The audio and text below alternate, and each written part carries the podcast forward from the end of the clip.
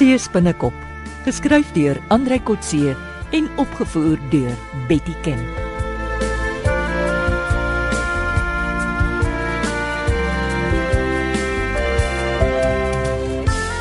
Johan, dankie dat jy tyd gemaak het voor jou terugvlug.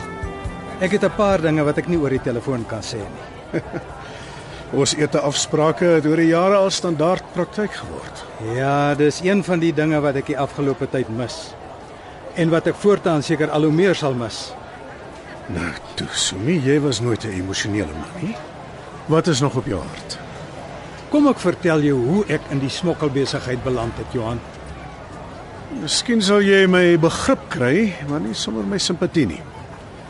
Nadat jy my as agent opgelei en hanteer het, toe jy weg is, het ek my eie spionasie besigheid begin. En dan weet jy die inligting verkoop. 'n Groot maatskappye, handelsintelligensie, teen vergoeding vir Chinese. Ek het Suid-Afrika goed geken en, en daar begin. Laat ek raai, en toe ontmoet jy vir Big Joe Lee in die Kaap. Jy sou hom ook gebruik het. Hy het alles in plek gehad. 'n Hele netwerk van kontakte, informante, polisiemanne wat uit sy hand geëet het en vrye toegang tot die hawe. Toe begin jy vir hom werk en nie hy vir jou nie. Nee, Big Joe het nie finansies gehad nie, ook nie markte in Taiwan nie. Ek het sy dekriet begin koop en toe het die perlemoen saamgekom. Ja, en wie se idee was hier 'n renosterhoringpoeier? Myne. Daar is lankal oosterse horingkopers. Hulle betaal stroopers groot geld. Ek was die eerste Chinese renosterboer. Ek sou my eie produk kweek, verwerk en versprei. En toe word jou plaas net 'n front vir jou kloutjie poeier bedrog. Dit was nie in die begin my plan nie. Toe oortuig jy jouself dat horing en kloutjies dieselfde ding is. My besigheid en my personeel was eintlik 'n smokkelnetwerk. Ek het dit eers besef toe jy my gister daarvan beskuldig het. Wel, die enigste manier om die smokkelary te beëindig is om al jou sakebelange in Suid-Afrika te sluit. Ja, dit lyk so. Ek en jy het gister ooreengekom dat ek al sal staak. Dis eintlik vir my 'n groot finansiële verlies en vir ons twee 'n treurige dag. Ons sal mekaar moet groet na 20 jaar. Ja. As jy nie weer Suid-Afrika toe kom vir jou sogenaamde besigheid nie, is dit waarskynlik die einde van ons pad saam. Sal jy my help met 'n prokureur om my wilsplaas te verkoop? Gebruik maar dieselfde ou wat jou gehelp het om dit te koop. Maar Big Joe het alles gereël. Alles waarin hy raak is verdag. Uh, dis jou probleem. Jy moes daaraan gedink het toe jy jou met die semos gemeng het. Nou, hoe gaan ek my plaas verkoop? Soek enige prokureur in die telefoongids en ontmoet hom elders in die buiteland. As die prokureur en Big Joe snaakse transaksies doen, moet jy nie dink ek verbreek ons ooreenkoms nie. Wat se snaakse transaksies? Ek moet al my bates uit Suid-Afrika onttrek. Solank jou transaksies wettig is. So, ons maak so spioene. Ons neem nie mekaar se foutjies na die owerhede nie.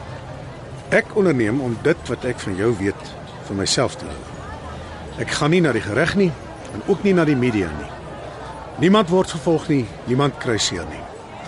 Ek hou op met smokkel en ek los jou uit. Jy hou op met spioneer op my en jy los my uit. Al waarborg wat ons het is ons woord van eer. Nou ja, ek moet nou groet of hy vliegtuig vertrek sonder my Suid-Afrika toe.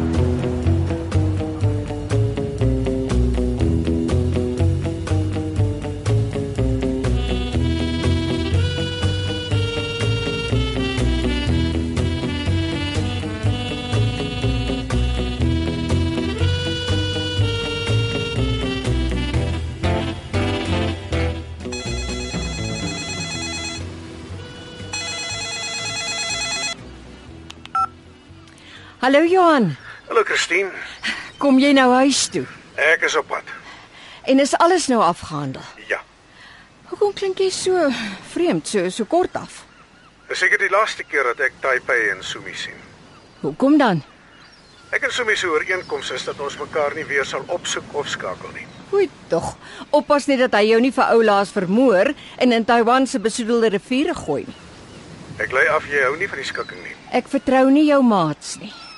Is Wynand en Ina tevrede met die wapenstilstand? Nee, maar hulle is so verlief, hulle gee nie om nie. Gee jy om? Ek gee om vir jou, ja. Kom nou huis toe. Veilige vlug. Ooh, tannie gee om vir oom Johan. Oh, dis wonderlike nuus. Van wanneer af luister jy my oproepe af, Ina? Wel, ek moes hoor wat tannie skinder. As tannie vir oom Johan kan sê ek en Wynand is verlief, dan kan ek seker maar so 'n bietjie afluister. Jy doen dit nooit weer nie. Is dit waar? Wat?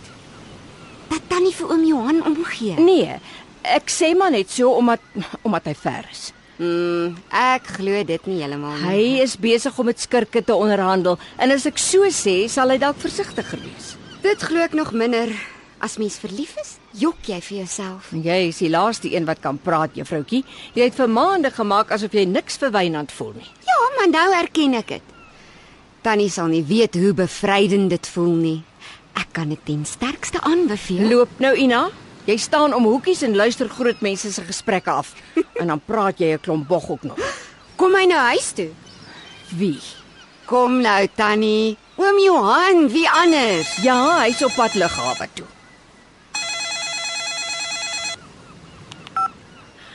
Hallo Johan, hou net aan asseblief.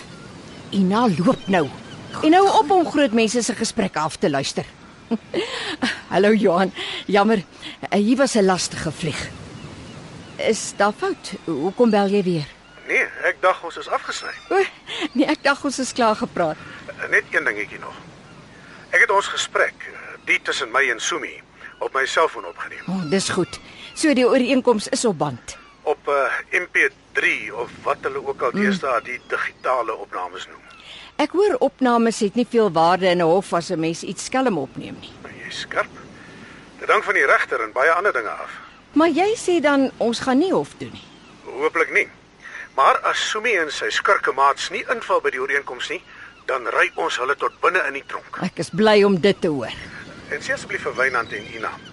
Hulle moenie met ander praat oor enige misdaad deur Sumi se syndikaat nie. Ek sal sê. Maar ek sê jou mos, hulle is so verlief dat hulle net met mekaar praat op hierdie stadium. Maar dis goed. Dankie. Jy moet mooi bly en uh, ek gee om vir jou.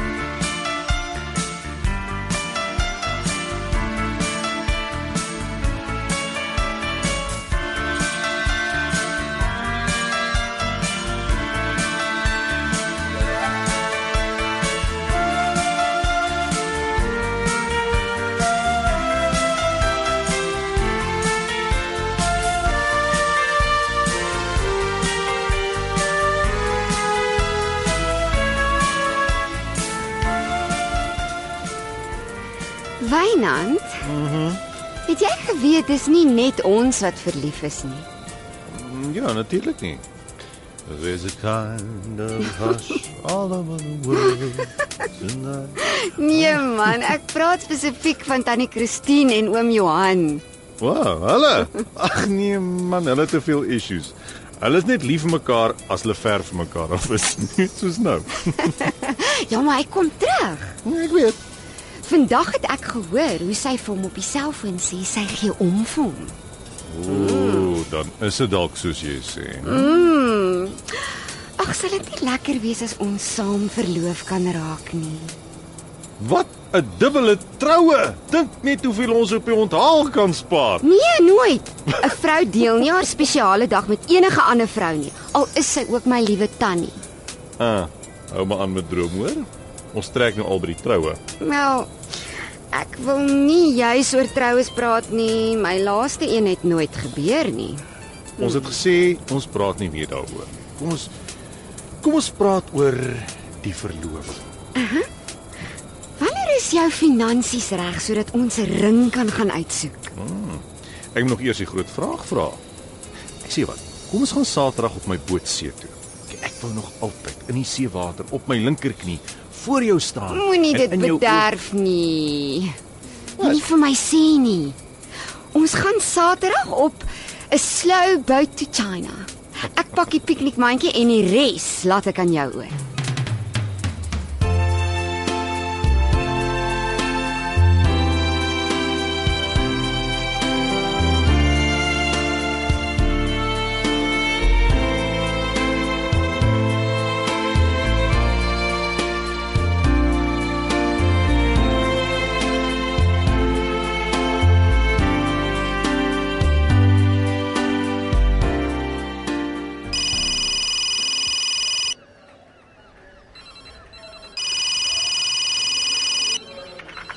Fortuin.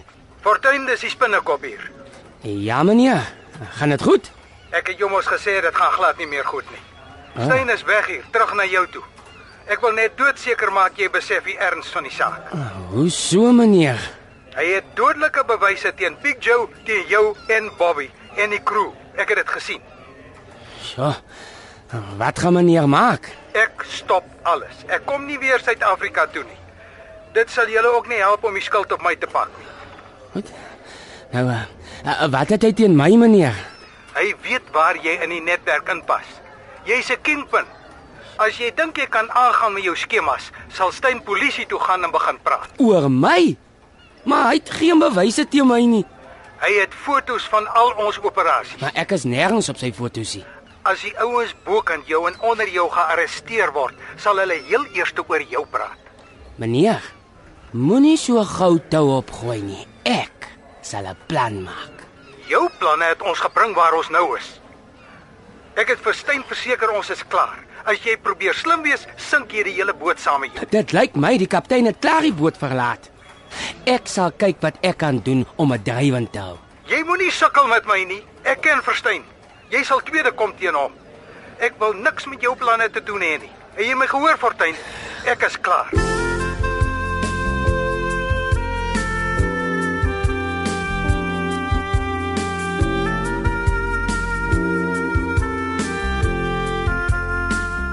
Dit was Seespinnekop deur Andrei Kotse. Die spelers is Richard van der Westhuizen, Magda van Biljong, Pierre Breitenbach, Marina Kotse, François Stemmet, Henk Juhu en Johnny Klein. Die tegniese en akoestiese versorging is deur Henry en Karen Gravett. Die regisseur is Betty Kemp.